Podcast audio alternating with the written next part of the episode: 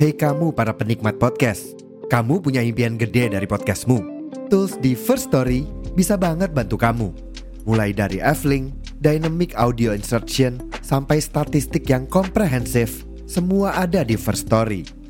Gak ketinggalan, kamu bisa monetisasi podcastmu lewat iklan dari First Story Ads yang bisa kasih kamu penghasilan dari setiap place podcastmu.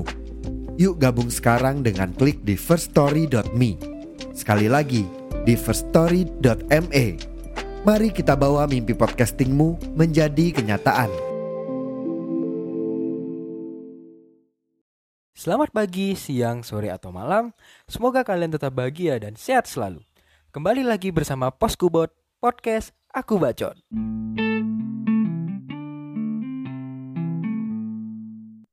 Alright guys, um, selamat datang kembali di Poskubot dan gue lagi ditemenin sama seorang wanita cantik nih. Nah, jadi untuk menghemat waktu bisa langsung memperkenalkan diri. Hai, tiba-tiba dibilang wanita cantik. Halo, perkenalkan nama aku Elena Fania. Biasa dipanggil Ellen. Aku kakak kelasnya manusia ini. Udah, lanjut. Oke.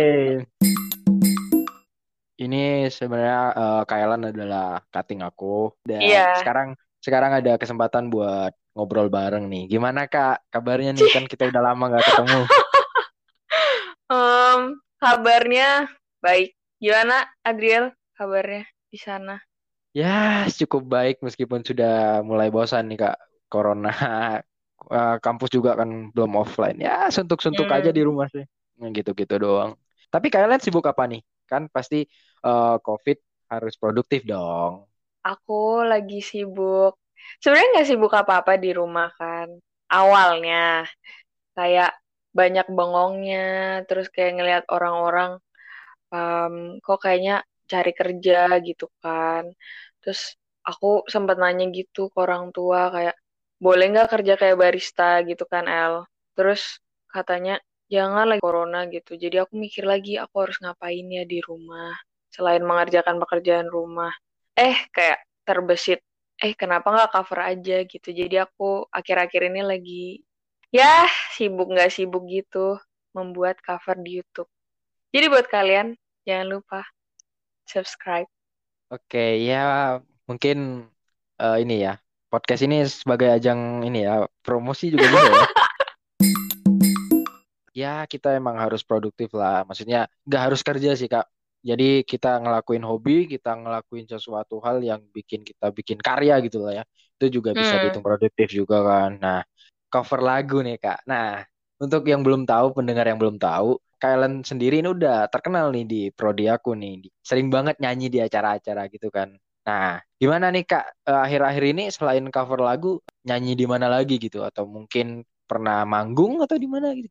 Kalau selama corona aku nyanyi di rumah aja. Itu El.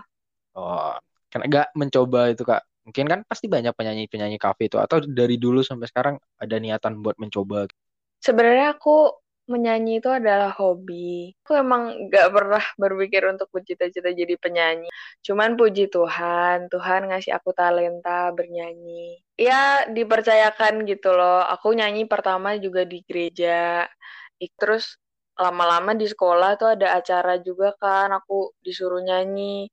Terus orang-orang pertama nggak tahu. Cuman taunya tuh aku bisa main gitar kan. Jadi pas itu ada vokal grup, aku disuruh gitar awalnya, terus tiba-tiba aku nyanyi gitu mereka denger, oh suara kamu bagus juga Len. Akhirnya itu awal gimana tahu dunia nyanyi, aku masuk di situ, aku mulai kayak em, ada acara kayak farewell, acara kumpul-kumpul kayak gitulah, aku dijadiin penyanyi. Terus sempat juga kayak kerja di kafe gantiin. Walaupun cuman gantiin orang di situ berarti kan dipercayakan juga kan. Situ nyanyi selama sebulan kurang lebih. Juga dulu punya band namanya Orang Ngiro aku jadi penyanyi band itu itu guys selama SMA.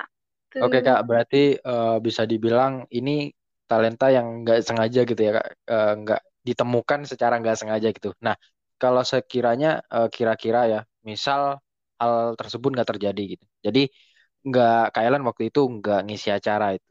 Apakah suatu saat bakal tetap nyanyi juga atau mungkin nggak menyadari sampai sekarang gitu?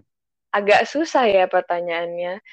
Um, aku sih dari dulu sebenarnya sudah suka sama satu hal itu yang namanya nyanyi. Um, aku main sama teman-teman aku masih kecil kayak TK gitu. Um, nyanyi-nyanyi gitu dulu zamannya lagunya siapa ya Mulan Jamila sama siapa itu ya El Makhluk Tuhan Malu banget ya gitulah pokoknya kayak zamannya Ahmad Dhani, Dewa kayak gitu-gitu. Kita kayak nyanyi berdua gitu. Aku punya sahabat dulu kita nyanyi. Ada naluri lah untuk bernyanyi gitu. Jadi menurut aku kalaupun misalnya aku nggak ditunjuk uh, dari awal acara gitu gitu dan aku akhirnya menjadi penyanyi, menurut aku aku akan tetap bernyanyi walaupun hanya ya nyanyi di kamar mandi gitu. Oke, uh, tadi Kak Ellen juga cerita kan udah ini ya pernah manggung di kafe. Kak Ellen hmm. juga ngisi acara farewell di sana. Nah, untuk sampai saat ini ya Kak, untuk saat ini, apa sih pencapaian terbesar Kak Ellen itu dalam bernyanyi gitu? Kan pasti ada dari sekian achievement nih, ada achievement yang bikin Kak Ellen kayak wah, aku senang banget nih udah eh, apa udah dapat ini gitu. Hmm, aku jarang ikut lomba sih. Cuman kalau untuk pencapaian kita bicara pencapaian, aku ingat waktu itu aku disuruh jadi MC, worship leader gitu di gereja. Aku dulu gerejanya gereja kecil, kayak uh, aku biasa jadi MC gitu istilahnya. Di depan paling nggak 50 sampai 70 orang. Itu pun yang paling banyak 70 orang. Dan waktu itu aku dipercayain jadi MC. MC di gereja kan sambil nyanyi ya El, kayak oh ya aku yayain aja gitu. Terus aku pikir orangnya 70 seratusan orang gitu. Ternyata aku jadi MC di depan 400 orang dan itu kayak aku bilang oh, pencapaian besarku kayaknya di situ deh ya berarti lebih kayak Kalen bisa memimpin sebuah acara besar ya apalagi itu uh, acara agama yang ya menurut kita sakral lah menurut aku juga itu hal yeah. yang ya. sakral itu lah Oke, Kak, selama nyanyi ya udah bertahun-tahun lah dengan bernyanyi itu. Sebenarnya apa sih kayak momen di mana kayak wah nyanyi nih kadang ada bad side-nya juga gitu. Jadi momen apa sih yang momen ya paling bad-nya lah, momen paling buruk selama bernyanyi? Oh, pengalaman buruk. Hmm. Kalau dalam pikiran aku, aku belum pernah sih ngerasain kayak pengalaman buruk. Cuman ada uh, sisi di mana aku harus banyak belajar karena emang background keluarga aku kan bukan keluarga pemusik ya. Di umur 10-11 tahun gitu aku baru belajar gitar, aku baru tahu nyanyi. Jadi kayak ketika aku SMA kan aku juga sebenarnya nggak nggak les nyanyi, nggak yang kayak bener-bener wah aku setiap hari harus latihan nyanyi nih harus tahu nada apa segala macam Nah, di saat aku SMA, aku ketemu sama orang-orang yang uh, benar-benar ngerti musik lah istilahnya. Kayak orang ini tahu nih, eh tadi Len kamu salah nadanya kurang naik ini. Tapi aku belum tahu sama sekali itu nada di mana. Ada yang bilang itu nada miring lah, itu nada falsetto. Aku belum tahu istilah-istilah kayak gitu. Nah, bukan bad side ya. Ini lebih kayak aku harus belajar dari orang-orang yang emang backgroundnya pemusik karena kamu tahu nggak sih kayak pernah nggak sih kayak ngerasain oh aku nih aku nih bisa apa ya Adriel suka apa ya oh, aku bisa naik motor trail ya gak? tapi aku cuman ya udah belajar belajar aja belajar sendiri gitu bukan yang sama ahlinya nah sekalinya kamu dapet kayak masuk perlombaan dan kamu harus ngelawan orang-orang yang benar-benar dari keluarga. Bapak ibunya main trail yang setiap hari setiap sore dia latihan trail itu kan kayak ngerasa insecure gitu nggak sih? Pernah nggak ngerasa kayak gitu? Jadi aku kayak ngerasa kayak gitu. Ngeliat teman-teman aku yang dari kecil yang keluarganya tahu musik yang yang siang siang sore malam kayaknya makanannya nada-nada gitu. Nggak kayak aku. Jadi di situ sih aku kayak ngerasa oh aku harus banyak belajar dari mereka gitu Oke, berarti lebih ke pressure-nya ya Kak di saat kita ketemu orang yang emang fokus di situ ya. Ya aku juga ngalamin sih karena ya bisa dibilang hobi motor motor cross lah. Nah, mm. ya sempat ngerasain insecure pasti apalagi kita lagi eh, tanding lah sama orang yang emang dididik dari kecil, dia udah ikut akademi. Kan ada tuh akademi motocross gitu. Kan aku sebenarnya sukanya tuh turunan iya, tapi cuman kayak yang uh, ayah suka. Dia tuh dari muda sampai sekarang terus nurunin ke aku ngelatih aku. Tapi kan itu bukan ranahnya bukan profesional. Jadi pressure-nya ya cukup relate lah dengan hal itu. Pressure-nya di saat kita berdengaran ketemu dengan orang-orang yang emang dididik untuk menjadi profesional tuh pasti tekanannya besar banget. Mungkin itu ya, ya kak. benar-benar. Ya, benar sekali. Nah uh, untuk ini kak untuk dukungan ya dari keluarga terus lingkungan sekitar Kak Ellen. Jadi misal temennya itu gimana Kak? Kan Kak Ellen tadi cerita Kak Ellen bukan dari orang yang lulusan sekolah menyanyi bukan dari keluarga musik gitu. Nah uh, apa ya reaksi orang tua atau keluarga dan teman-teman sekitar tuh gimana Kak? Dengan ya bisa dibilang bakat lah sebenarnya. Hmm, sejauh ini puji Tuhan kayak selalu dipuji puji Tuhannya.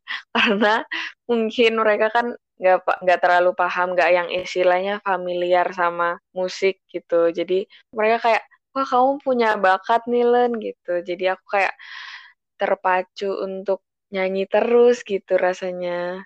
Ya puji Tuhan ya nggak pernah yang kayak ih jangan Len. Kan banyak tuh kayak banyak yang bilang kayak pemusik tuh untung-untungan seniman gitu. Jadi kayak nggak yang kayak um, ngerti nggak sih kayak stuck gitu loh penghasilannya. Kadang kan ada naik turunnya gitu. Orang-orang sih banyak yang bilang kayak gitu. Tapi menurutku selagi kita suka, aku kenapa tidak? Oke, berarti bisa dibilang cukup suportif lah ya kak untuk lingkungan yep. sekitar. Oke, Kylen, uh, ya di masa muda kayak sekarang lah, apalagi di umur-umur kayak kita kan, ya pasti kita nggak bisa jauh-jauh dari hubungan asmara gitu kan. Nah, pastinya Kylen pernah ngalamin lah, pernah ngalamin dong. Nah, aku nggak mungkin nanyain lah pernah atau enggak, karena pasti pernah kan. Nah, yang aku tanyain adalah kriteria gitu kak. Jadi, apa ada kriteria khusus gitu kak untuk Kylen mencari pasangan? Apakah harus bisa nyanyi atau gimana gitu kak? um... Untuk tipe ideal sih sebenarnya um, aku nggak lihat itu dulu yang pertama. Yang aku lihat adalah um, aku bisa nyaman gitu ngobrol sama dia itu yang pertama. Yang kedua adalah aku ngerasa hmm, diprotek gitu. Apa sih Indonesia ini protek? Dilindungi Lindungi. gitu. Ya, maaf orang Jawa. Dilindungi gitu sama dia. Terus yang ketiga harus nyambung sama aku. Aku nggak bilang dia harus pemusik, cuman seenggaknya selera musiknya sama sama aku. Oke, berarti uh, dilihat dari poin-poinnya yang penting nyaman. Uh, mungkin dari sisi musiknya cuman butuh yang selera musiknya sama, biar nyambung lah ya kak, biar komunikasinya enak gitu kak. Iya dong. Nah, kita pasti pernah lah kak kayak uh, dideketin lah ya kalau cewek ya dideketin oleh beberapa orang lah. Banyak juga nggak masalah sih, tapi beberapa orang aja. Nah, dari beberapa orang ini, yang paling berkesan tuh yang sampai sekarang gitu kak, yang masih wah kayak keinget terus keinget bukan berarti masih suka ya, cuman kesan berkesan gitu kak kayak wah dia deketin aku dulu kayak gini nih masih inget sampai sekarang gitu. Tuh itu apa apa ada gitu kak? Hmm, kalau nggak ada gimana? Selesai dong pertanyaannya. Bohong kalau nggak ada. PDKT ini berarti ngomongin tentang pendekatannya dia gimana ya, bukan kayak pacarannya gimana gitu. Hmm, bentar, aku mikir dulu. Pendekatan. Sebenarnya semua cowok yang pernah ngedeketin aku, kayaknya mereka ini dulu deh, kayak apa sih namanya? Kalau sebelum penelitian tuh browsing dulu ya. Apa ya hmm. namanya? Kayak cari tahu dulu nih Ellen tuh gimana orangnya Aku rasa seperti itu karena setiap orang yang ngedeketin aku, yang aku rasa ngedeketin aku itu kayak udah tahu gitu aku orangnya gimana. Jadi kayak berencana yang mau PDKT bukan yang kayak iseng doang terus kayak tiba-tiba hilang gitu. Gitu, El. Jadi kalau kamu tanya apa ada nggak sih yang kayak berkesan gitu? Tidak. Karena terkesannya semuanya template gitu. Jadi semoga ke depannya ya El, aku berharap ada yang beda gitu. Amin. Oke, buat pendengar Poskubot yang mau deketin. Oke, uh, dari yang kakak omongin tadi, satu sih kak yang apa ya menggelitik sekali gitu kak. Nah selama hmm. beberapa orang yang deketin kakak gitu, kalian pernah di ghosting nggak? Hmm, Kayaknya sebelum lanjut ada baiknya kita dengerin yang mau lewat berikut ini. Oke, terima kasih teman-teman yang udah meluangkan waktu untuk mendengarkan hal tersebut. Silahkan dilanjut, Mbak. Kalau tiba-tiba kayak udah sering nih chatting, terus tiba-tiba hilang, nggak ada. Aku pernah dua kali kayak uh, hampir nih kayak hampir kayak hampir mau jadi, tapi orang yang deketin aku selalu ngomong alasannya kenapa gitu. Oh, berarti baik-baik lah ya, mereka mundurnya baik-baik.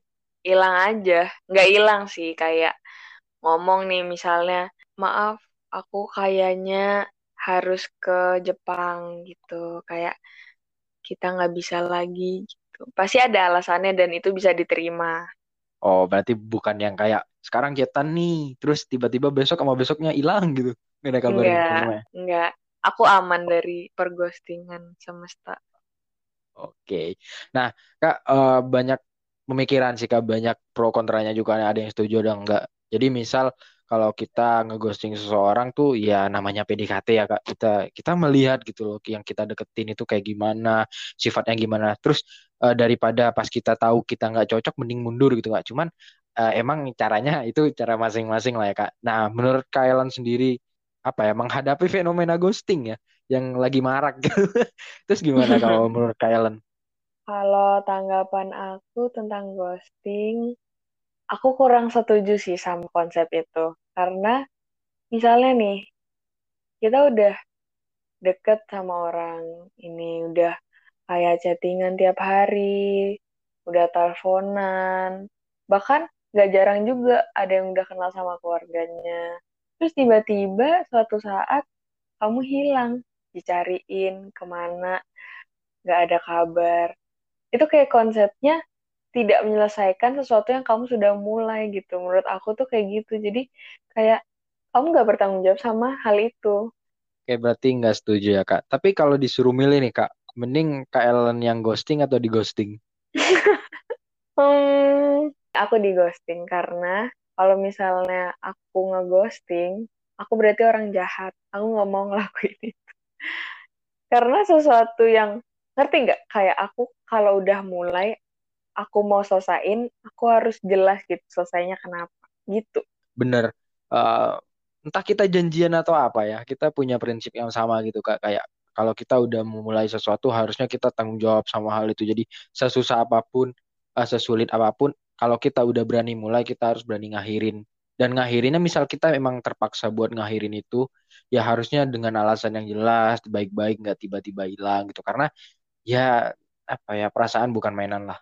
Uh, yeah. masih banyak masih banyak hal lain yang kalau emang kita niatnya untuk main-main gitu ya ya masih banyak hal lain yang lebih baik atau lebih proper untuk dimainin gitu kak. Karena umur-umur kayak gini ya kak kalau sekarang sih nggak tahu ya. Kalau mungkin anak SMA SMA SMP yang masih cinta monyet itu masih yang kayak nyari pasangan ya ya udah nggak terlalu mikirin nggak terlalu berpikir banget itu. Tapi kalau untuk aku Uh, mungkin kalau untuk cari pasangan ya kak kita ya pertama de, balik dari kriteria pertama yang kak Ellen bilang ya harus ini dulu sih. Kita lihat orangnya harus nyaman. Dan nyaman itu pasti butuh waktu kan kak? Jadi untuk milih pacar untuk sekarang ya lebih kayak kita lihat gimana dia bertanggung jawab dengan komitmen yang dia bikin gimana kita bisa nyaman sama dia.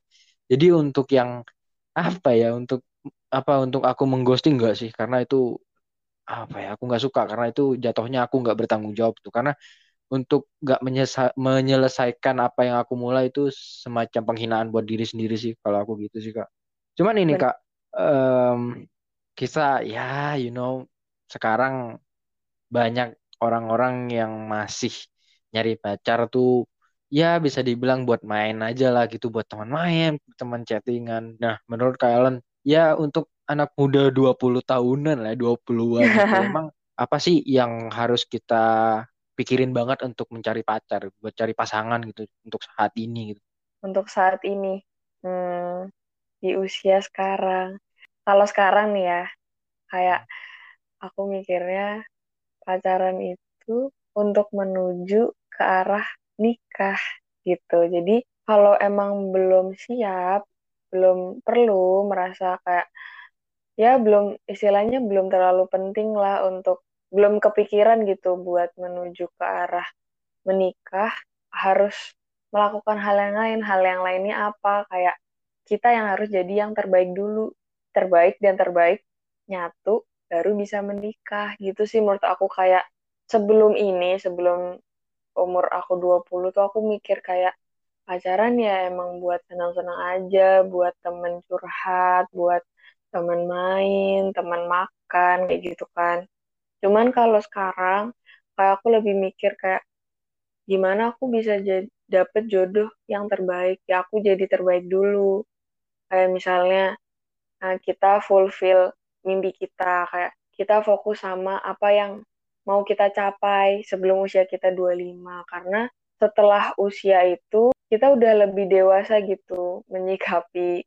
Aku kurang tahu sih El aku ini aku omong besar atau gimana. Cuman yang aku pikirin sekarang adalah kamu kalau mau pacaran kamu juga harus tahu pacaran ujungnya ke mana. Nggak yang cuman pengen main-main aja kayak menurut aku sih kalau ya kayak yang tadi kita omongin ya kalau misalnya mau mulai kita harus juga punya komitmen untuk menyelesaikannya. Jadi kalau kita mau mulai pacaran kita harus tahu arahnya ke mana gitu. Gitu. Udah pintar ya. banget ya tuh jawabnya ya kayak berhenti atau mencegah buat buang-buang waktu nggak sih kak? Kalau kita milih pasangan yang cuman kayak main-main doang gitu kayak capek nggak sih kak kita berusaha buat ketemu orang baru lagi, berusaha maham memahamin orang baru lagi, mending kayak satu tapi terus gitu ya kak. Jadi pasti gitulah. Iya, iya sih sebenarnya capek kalau misalnya kadang kita gini nggak sih kayak kita nih udah pacar bukan kita ya kayak uh, ada nih pasangan udah dua tahun kayak sayang gitu kalau putus tapi kayak toksik parah pengen putus tapi kok kayak ya sayang nih udah dua tahun tapi gak bisa gitu dipertahanin terus. Nanti jadi terus putus lagi jadi putus lagi kayak gitu. Kita kadang lebih sayang memorinya gitu daripada kesehatan mental diri sendiri gitu gak sih? Pernah nggak El? Um, kalau aku personally nggak belum pernah. Tapi teman deket aku ada jadi uh, dia empat tahun lebih lah ya dengan pasangannya. Tapi uh, yang aku apa ya yang aku lihat-lihat dari ya dia cerita juga ke aku meskipun nggak banyak. Dan ya sebagai teman deket tahu lah ya. Nah hmm. uh, selama uh, karena lama ya dia udah bertahun-tahun pacaran pasti ada rasa kayak waduh sayang nih mau putus. Udah lama. Sayang. Itu empat tahun lebih lah pokoknya mereka tuh. Itu bukan angka yang cepet gitu loh. Tapi yeah. ya aku sebagai teman dekat ngerasainnya tuh dia udah nggak enjoy dengan hubungan itu. Jadi lebih kayak cuman ingin mempertahankan hubungan itu karena cuman hubungan itu berjalan sangat lama gitu loh. Dan ya alangkah lebih baik lah untuk kalau emang kita udah nggak ngerasain apa-apa. Dalam artian kalau kita nggak ngerasain apa-apa tuh kayak kita udah nggak sayang lagi kita udah beneran kita pacaran tuh cuman karena sayang angkanya doang. Jadi lebih baik diudahin aja gitu loh angka tuh bukan jaminan tahu kan. Ya kalau kita ngomongnya pernikahan ya ke jenjang selanjutnya. Banyak orang yang pacaran bertahun-tahun tapi belum jadi. Eh tapi yang pacaran dua bulan sebulan jadi. Karena ya komitmen itu sih kak kalau menurut aku. Jadi kalau kalau sekarang sih kita mungkin nggak semua orang bakal memikirkan kayak ya kita orang uh, punya pemikiran berbeda kan. Ada yang nggak mau mikirin nikah dulu tapi mau pacaran serius ada. Jadi ya pintar-pintarnya kita nyari pasangan lah. Jangan cuman wah asal ada yang deketin terima. Yang penting pacaran jangan. Karena uh, untuk umur kayak gini stop buang-buang waktu gitu loh. Apalagi untuk pasangan-pasangan yang udah terlanjur berjalan lama cuman jadinya toksik hubungannya. Udah nggak ada rasa sayang di situ udah nggak ada rasa care. Mereka nggak mau putus cuman gara-gara ya yeah, wah sayang nih udah empat tahun udah empat tahun lebih buat putus. Jadi ya jangan menyakiti diri sendiri lah cuman karena status Ya, berarti untuk saat ini fokus on yourself dulu lah ya. Untuk pasangan kan, Benar. kan uh, masih ada hal yang lebih baik untuk dipikirin sekarang kayak uh, bisa kita uh, perluas relasi, perluas skill kita. Mungkin akan lebih baik kalau kita self improvement dulu ya Kak daripada kita mikirin sesuatu yang di luar hal kita. Jadi kita terlalu fokus nyari pasangan tapi kita sendiri nggak ini ya nggak improve gitu. Ya, kalau dari Kalau dari pengalaman pribadi aku sih, dulu kan ya namanya anak remaja ya, jatuh cinta gitu. Kayak kita jadi kayak butuh banget kayak namanya perhatian penuh, butuh banget kayak oh kamu harus ngikutin kata-kata aku, kalau enggak aku marah gitu kan. Kayak belum dewasa gitu kan. Ya, jadi inilah waktunya kita untuk improve diri kita sebelum bertemu. Terlalu berat sih kayak kamu ngomongin hubungan cinta. Aku nggak terlalu pintar dengan itu, sejujurnya ya. Tapi nggak kak kalau kalau kata aku yang dari aku dengerin tadi, sebenarnya cinta tuh nggak ada salah benernya kak, karena yang paham diri kita kan kita sendiri. Jadi berbagai macam jawaban pasti ada. Dan buat bilang aku nggak pintar cinta itu enggak sih kak, kayak apa ya Kak Elan udah tahu gitu Kak Kak Elan menyikapi cinta ini seperti apa itu menurut aku udah paham gitu nggak perlu kita jadi master cinta atau expert cinta what for? sih. tapi, tapi kita nggak tahu apa yang kita butuhin gitu. Itu sih Kak. Oke ya dari yang kita omongin tadi dari soal penyanyi dari bakat yang sebenarnya terpendam ya Kak. Dan akhirnya secara tidak sengaja bisa dibilang seperti itu. Ya rezekinya lah. Hal itu bisa muncul dan kalian harus bersyukur sama diri sendiri lah kayak kalian lebih lebih fokus sama diri kalian apa yang kalian punya kalian kembangin. Gak mesti eh, kalian harus dari background yang terlatih banget enggak jadi selama ada kemauan kalian pasti bisa. Dan eh, kurang-kurangin lah atau bis, kalau bisa jangan sampai insecure sama orang lain. Karena tolak ukur untuk suatu hal itu bukan orang lain tapi diri sendiri. Dan untuk masalah cinta ya, semua orang punya perspektif masing-masing, semua orang mengerti harusnya ya. Yang benar adalah orang yang mengerti eh, menyikapi masalah cinta ini seperti apa. Kayak eh, tadi kita juga udah cerita gimana sih kriteria milih pasangan otomatis kita udah tahu apa yang kita butuhkan. Jangan jadi orang yang buta cinta. Jangan jadi orang yang yang penting gue merasakan cinta, tapi bodoh amat sama diri gue. Jangan. Tolong eh, fokus sama diri sendiri. Dan kalau kita udah fokus sama diri sendiri, hal lain akan mengikuti, termasuk cinta ini. Jadi jangan pernah lupain diri sendiri. Itu sih.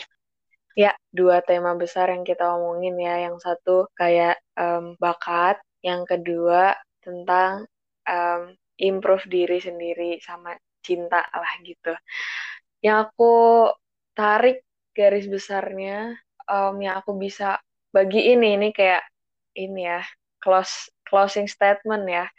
Em, hal hal pertama yang aku bisa sampaikan ke kalian yang dengar, semua orang diciptain Tuhan itu ada yang emang tujuan hidup yang dikasih, yang dipercayain sama Tuhan ke kalian itu kalian jadi dokter, ada yang jadi penyanyi, ada yang jadi mungkin kayak si Adriel ini ada yang jadi um, public speaking, kayak teman buat podcast, kan orang dikasih talenta dan bakat semuanya itu masing-masing. Gak mungkin kan kayak semua orang jadi penyanyi, ntar siapa yang jadi pendengarnya.